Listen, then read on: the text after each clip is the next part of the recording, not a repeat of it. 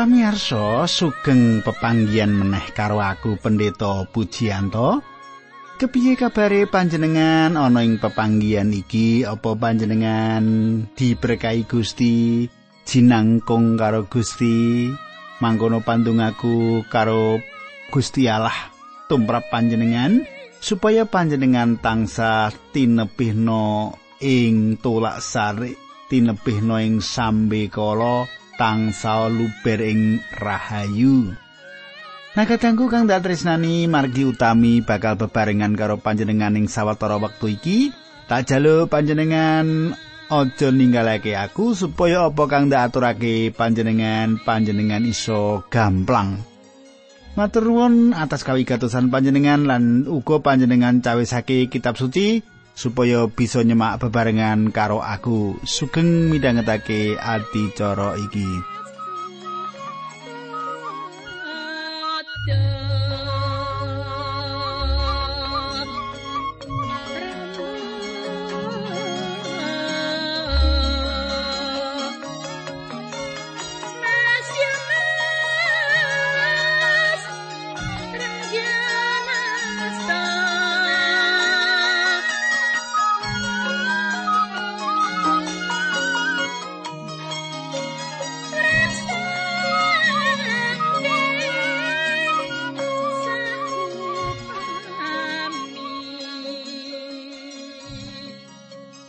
Katanggu kita wis nyinau samubarang sing ana ing kemah suci, warnane tutup kemah, benang, unine tetabuhan, sing kabeh mau nglambangake pribadi lan pakaryane Gusti Yesus Kristus.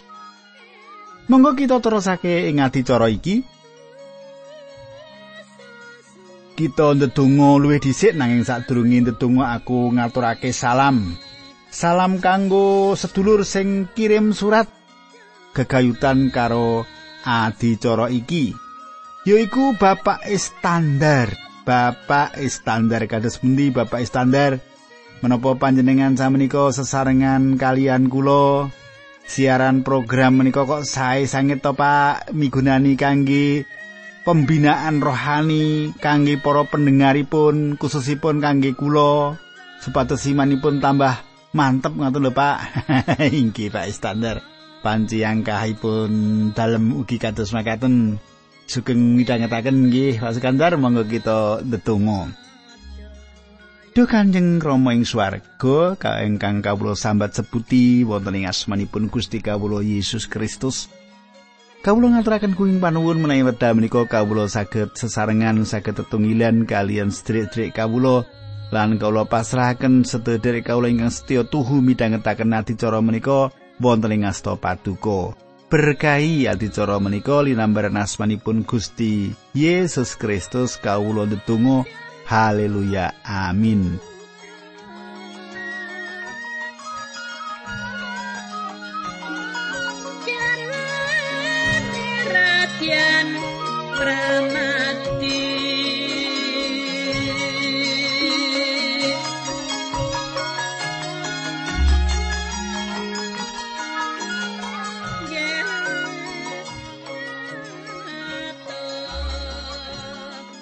Katangku kang dak tresnani adicara iki kawiwitan saka ayat siji lan loro bab 28 buku pangentasan. Jadi panjenengan buka buku pangentasan. Mengkene surasane Harun kakangmu lan anak-anake ya kuwi Nadab, Abihu, Eliasar lan Itamar padha undangan. Wong-wong mau kapisahna saka wong-wong Israel supaya padha ngladeni aku dadi imam. Gawiya sandangan imam kanggo Harun sandangan kaluhuran sing indah.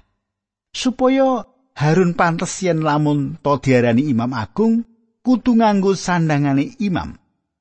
Kadangku sandangan sing dinggo iku uga nggambarake Sang Kristus. Ing kitab pangentasan iki ora patiya nyang semake apa sing dicethakake dijelaske ngenani sandangan imam mau Nanging senatan ora nyang semake ati, ora narik kawigaten, iki mau ngelambangake Sang Kristus pribadi. Dadi becike uga kita sinau. Mengkono ya? Aja bosen ya. Apa panjenengan pirsa kenapa iki kabeh diparingake Allah marang kita? Contone bocah-bocah cilik kae yen sinau harak saka ndeleng gambar to, kitab suci kaya dene gambar kanggo kita. Ya iki kanggo nyinau bab kayekten lan kanthi gambar-gambar Allah kanthi prasaja kepingin ngegulang kita ing bab kayekten. Sandangan sing dinggo dening Harun Para imam, wong-wong Lewi ora sandangan sing suci, tembung suci ing kitab suci ateges disisihake. Sandangan iki disisihake, dimeligakake, mirunggan kangge ngladosi Gusti Allah. Dadi apa wae sing disisihake kagem Gusti, apa wae bisa diarani suci. Upamane panjenengan kagungan duit 50.000, banjur panjenengan pisungsungake ing gereja 5000. Duit seketewu mau susuk saka toko lan toko mau etuk saka gembonging maling sing blonjo ing toko mau. Gandeng panjenan wis nyaosake 5000 kagem Gusti. Mula duit mau suci, maksude disisihake kagem pakaryane Gusti. Sandangan sing dinggo para imam iki kejaba dianggep suci lan ing jaman iku pancen dianggep endah banget. Urusan karo setan asring nganggo bab-bab sing indah, sing manis, sing enak. Endahing sandangane para imam iku eh dibeni. Kenapa Allah ora keaturan sing indah-indah? Ya. Allah iki sing nyipta kabeh kaindahan. Ya. Yen panjenengan ora ngakoni yen Allah sing nyipta warna lan kaindahan, coba panjenengan mirsani srengenge sing arep angslup ing wayah sore. Kepiye warnane godhong-godhong ing wanci pancaroba utawa yen panjenengan mirsani langit ing wanci terang utawa mirsani langit sing ketrajang prahara kepriye warnane langit mau lan kaya apa endahe pancen Allah sing nyiptakake warna lan kaendahan wis mestine sandangane imam iki kudu sing endah-endah jalaran bakal kagem Gusti Allah. Saiki bab 28 ayat telu sakaing tukang jahit sing prigel sing wis diparingi kepinteran padha klumpukno padha perintahana gawe sandangane Harun sing ndak biji ngladeni aku dadi imam Mitraku, Harun dipisahake, disisihake kagem ngladosi pakaryane Allah. Dijumenengake Imam Agung, sandangane kaya kasebut iki. Bab likur ayat papat lima enam. Wong-wong mau kudu gawe sandangan tutup dodo, efod jubah, klambi sulaman, serban lan sabuk. Iki kabeh kanggo Harun lan anak-anake kena kanggo ngladeni aku marga nggone dadi imam. Sandangan imam mau kudu padha digawe saka benang biru, wungu lan abang, benang emas lan lena alus kejaba kuwi mau efod kudu direnggo nganggo sulaman. kadangku bahan kanggo gawe sandangane imam iki kudu saka bahan sing apik. Pancen wis cocok yen apa sing dadi kagungane Allah iku sing sarwa apik. Iku ora teges yen para abdine Gusti iku nuntut marang pesamuan barang utawa apa wae sing sarwa apik. Malah ana abdine Gusti sing duwe mobil mewah luwih saka siji. Aku ora duwe.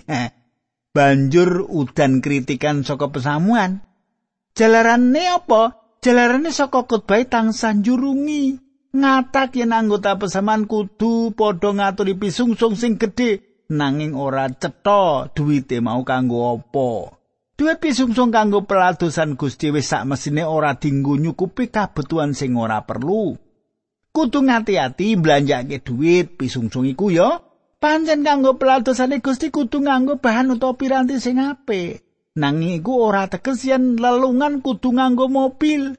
Tegese duit pisungsung sing dinggo tuku mobil pribadi. Pancen piranti sing apik iku cocok karo pakaryane Gusti. Sebab bakal ngasilake bab sing apik uga. Ora saanane. Pirsa ya panjenengan ya. Saiki pangentasan bab 28 ayat 5 nganti teko ayat 12 tak wacake ya. Sandangan imam mau kudu padha digawe saka benang biru, wungulan abang, benang emas lan lena halus. Kejaba kuwi mau efat kudu direnggo nganggo sulaman. Epot mau ana pundhakane tangkeban loro sing kanggo nangkepake ing kiwa lan ing tengen. Sabuhe tenunan alus digawe saka bakal sing padha disambung dadi siji karo epot. Njupuk watu drima loro, golek kemasan sing pinter ngukir jenenge anak Yakob rolas, urut manut umure ing watu mau. Jeneng nem ing saben watu siji watu aji loro mau banjur ditrapno.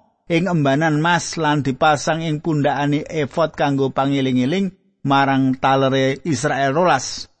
Srana mengkono Harun bakal nggawa jenenge taler rolas mau ing pundhake ing ngarsane Allah supaya aku tansah inget marang umat mau. Katangku, sak bangsane klambi apa rompi sing jenenge epot angel dicethakake, angel dijelasake. Epot iki mau dinggo sawise nganggo klambi saka kain lena mau. Dadi klambi rangkep loro mau banjur ditaleni nganggo sak bangsane watu ing geger sisih kiwa lan geger sisih tengen. Nuli dikempelake ing bagian tengah nganggo sabuk. Enam talar Israel dukir ing watu onik lan enam liyane ing watu sijine meneh. Nalika Imam Harun mlebu ing kemah suci, nggawa jeneng-jenenge talar Israel ing gegere imam. Iku nandhakake panguasane imam mau marang Israel. Ing serat Ibrani nulis ngene. Ibrani pitu ayat selawi. Saiki lan kapan wae panjenengane saged mitulungi slamet saben wong kang sowan ing ngarsane Allah lumantar panjenengane. Jalaran panjenengane gesang ing salawase perlu nglantarake wong-wong mau marang Gusti Allah. Kadangku Kristus wis nyelametake kita. Panjenengane kagungan kuwasa lan kekuatan. Apa panjenengan kemutan ceritane wedhus sing ketriwa sing ditulis sing Lukas 15 ayat 1 lan pitu? Sang pangon golek wedhus sing ilang mau tanpa mitungake rubida lan bebaya. Sawise ketemu wedhus mau nuli dipanggul ing pundake, ya ngono kuwi sing ditindakake Gusti Yesus marang panjenengane lan aku. Saiki pangentasan 28 ayat 13 nganti 16. Mengkene surasani. Kowe gawe embanan mas loro lan rante mas murni loro sing ditampar kaya tali, rante mau gandengno karo embane mas. Gawe tutup dodo kanggo Imam Agung sing kudu dinggo samasa arep neges kersane Allah. Bakalan sulamane kudu padha karo bakal lan sulamane efod. Wujute pesagi lan ditekuk dadi loro ombo lan dawane padha 22 cm. Kadangku, kanggo njelasake sing dinggo ing dodo iku ya bangsane rompi ngono, nanging endah banget. Anggon-anggon mau dijenengake penutup dodo penghakiman. Iki nggambarake yen sekabeh dosa wis atuk pengadilan. Kita wong pracaya ing dinane iki kudu padha duweni tutup dodo kayekten. Tutup dodo kayekten iki kanggo nutupi ati lan pikiran kita supaya ora tumindak duraka. Kanthi cara iki kita bisa tahan nglawan sakabehing kadurakan sing dipasang dening setan lan bisa lulus ing ngarsane Allah. Lan yen iku wis kelakon ing urip kita, kita wis nglakoni kayektene Yesus Kristus ing urip kita. Saiki ayo nyemak pangentasan 28 ayat pitulas nganti selikur. Akik patang larik mau pasangan ana ing tutup dodo mau, ing larian kapisan watu drimo, topas lan widuri sepah. Ing larian kapindo samrut watu nilam lan inten, ing larian katelu watu laswardi akik lan watu kedubung. Ing larian papat watu pirus yakut lan cempaka retno akik rolas mau kudu dipasang ing embanan mas. Watu-watu adi mau ukiran jeneng-jenengi anak Yakub rolas minangka wakiling talar-talare Israel. Kadangku watu-watu sing ing sandangane imam uga ditulis ing buku Wahyu sing sebanjure dijelasake yen watu-watu mau kanggo pondasi kanggo dasar kutha Yerusalem sing anyar. Saben watu mau bisa nyunanake werna-werna sing endah banget. Nalika Imam Agung mau mlebu ing kemah suci lan banjur ing papan sing maha suci, nggambarake panjenengane Gusti Yesus Kristus sing pinarak ing satengene Sang Rama, sing lagi nindakake pantoro kanggo kita marang Allah Sang Rama. Gusti Yesus ora mung manggul ing pundhake nalika kita ketemu saka katriwa, nanging panjenengane ngrangkul kita ing jajani. Iki tandha katresnane marang kita manungsa. Saiki pangentasan 28 ayat 30. Ing tutup dodo pasang ana urim lan tumim supaya dinggo Harun semasa sowan marang aku. Enggone kudu tansah nganggo tutup dodo kuwi supaya bisa nyumurupi putusanku tumrap wong Israel. Mitraku, nganti saiki durung ana ahli utawa sarjana teologi apa arkeologi utawa geologi sing bisa njelasake apa sejatine urim lan tumim iki. Karo-karone ngemot wewadi bab kersane Sang Maha Kuwasa Allah Pangeran. Banjur kepriye carane supaya bisa ngerti wewadine urim lan tumim iki? Ana sing ngandhakake yen barang loro mau kaya dene dadu. Kaya dene dadu. Nanging secara pribadi aku ora ngandel, isih akeh meneh ikhtiar sing ditindakake dening manungsa kanggo ngerteni wewadine urim lan tumim iki. Kita ora ngerti kapan bakal bisa kabuka wewadine. Mung siji sing bisa kita percayani yen urim lan tumim iki ngemot wewadi kersane Allah. Yen Allah turun kepareng buka isi wewadi kan jelas, kan dicetha. Allah mesti perso yen iku cara sing paling apik kanggo kita manungsa. Saiki pangentasan 28 ayat 31 nganti 34 mengkene surasani. Karo maneh gawe jubah sing nutupi efod kagawe saka tenunan benang biru. Bedahan gulune diweneh ana pinggiran sing ditenun supaya kuat lan ora gampang suwek. Plipitan ing ngisor kudu diwenehi rerenggan rupa woh drima saka benang biru wungulan abang diselang-seling nganggo klintingan mas. Kadangku, Woe drima nggambarake woing urip kita. Dene klintingan nggambarake paseksi Kristen kita. Loro-lorone woh lan paseksine kagem kamulyane Sang Kristus lan urip kita kudu nduweni uwoe Roh Suci kaya dene sing ditulis ing surat Galatia 5. Mengkene surasane Galatia 5 ayat 23 nganti 23. Dene woe panuntuning Sang Roh Suci ya kuwi katresnan, kabungahan, katentreman, sabar, sareh, sumlondoh, kabecian setya, andhapasor nguasani awake dhewe. Ora ana angger-angger sing nglawan perkara-perkara sing mengkono mau. Kadangku, mestine kita panjenengan anakku ora susah nyebar-nyebar traktat yen urip kita ora ana tanda-tanda uwaing karohanen kita. Pancen akeh wong percaya sing kepingin padha atur paseksi nanging sawutuwe uripe isih ana alangan. Sing nganti ora bisa ngatonake woe karohanen. Ora bisa ngetokake wah-wah kasukman marang sak pepadani. Kitab suci ndawuhake yen duweni klintingan lan uga duweni woe trimo dadi ora dikandhakake yen bisa nglarai nanging ora bisa nyaponi. Bisa marai nanging ora bisa nglakoni. Saiki pangentasan 28 ayat 35. Jubah mau kudu dinggo Harun semasa tugas. Perlune semasa sowan aku ing pasucen utawa lunga saka papan suci kono, klintingan mau bakal keprungu supaya Harun ora nemai mati. Kadangku lambang imam mau mlebu lan metu saka ruangan sing suci mau. swara kumrincing sandangane para imam mau supaya wong-wong Israel sing padha ngabekti nyelaki kemah suci mau ora padha kliru anggone nindakake upacara mau yen nganti kliru bakal mati. Saiki bab 28 ayat 36 nganti 38. Gawe renggan Mas Murni sing diukir nganggo tembung-tembung sengkerane Allah. Kuwi talekno ing serban nganggo tali biru.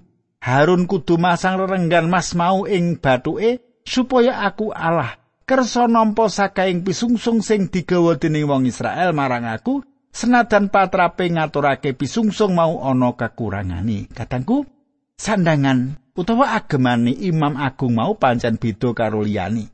Agemane Imam Agung beda karo imam liyane agemane para imam mau klebu Imam Agung nyunarake kamulyan lan kaendahan Imam Agung kita sing tanpa cacat lan tanpa dosa sing makuwon ora kumpul manungsa sing pancen dosa. Gusti Yesus wis sedo kanggo nebus dosane manungsa, dosa kita. Saiki panjenengane pinara ing sisih tengene Sang Rama kanggo njaga kawilujengan kita. Saiki bab 28 ayat 39 nganti patang puluh telu mengkene surasane. Klambine Harun kudu ditenun saka kain lena halus. Ya gawe serban saka kain lena alus sarta sabuk sing disulam. Gawe klambi, sabuk lan kopiah kanggo anak-anake Harun supaya padha katon luhur lan indah. Sandangan mau nggokno Harun, kakangmu sarta anak-anake padha jebatono wisudanen lan sucekno srana mengkono wong-wong mau diresmekake sarta disucekake kanggo ngladeni aku dadi imam. Gawe crana cendak saka kain lena kanggo wong-wong mau dene dawane saka bangkean tekan pupu kanggo nutupi kawirangani. Harun lan anak-anake semoso mlebu ing kemah palenggahanku utawa nyedhaki mesbah ngimami ing pasucen kudu nganggo sandangan kuwi. Yen mengkono ora bakal padha mati krana saka katone kawirangani. Pranatan iki tetep kanggo Harun lan para turune. Kadangku Gusti Allah ora ngersakake kita padha wudo. Kan dituduhake karingkian lan kasekengane daging kita, sandangane utawa agemane para imam lan kabeh bangsa Israel nutupi sakai karingkian lan kasakengan kita. Nah kadangku semene dhisik atur giaran iki kita wis bisa ngrasakake kaya ngopo peduli lan asih Allah marang kita. Mula ndak aja panjenengan bisa midhangetake adicara candake ing gelombang sing wis ditemtokake. Monggo kita ndedonga. Kanjeng Rama swarga kawula ngaturaken gunging panuwun menawi wekdal menika kawula saged ngedum berkah rohani. Kawula ndedonga supados berkah rohani menika saged dipun raosaken lan dados kegiatan sanak kadang kawula menika. Kawula pasrahaken wonten ing asta paduka linambaran asmanipun Gusti Yesus Kristus kawula ndedonga. Haleluya. Amin.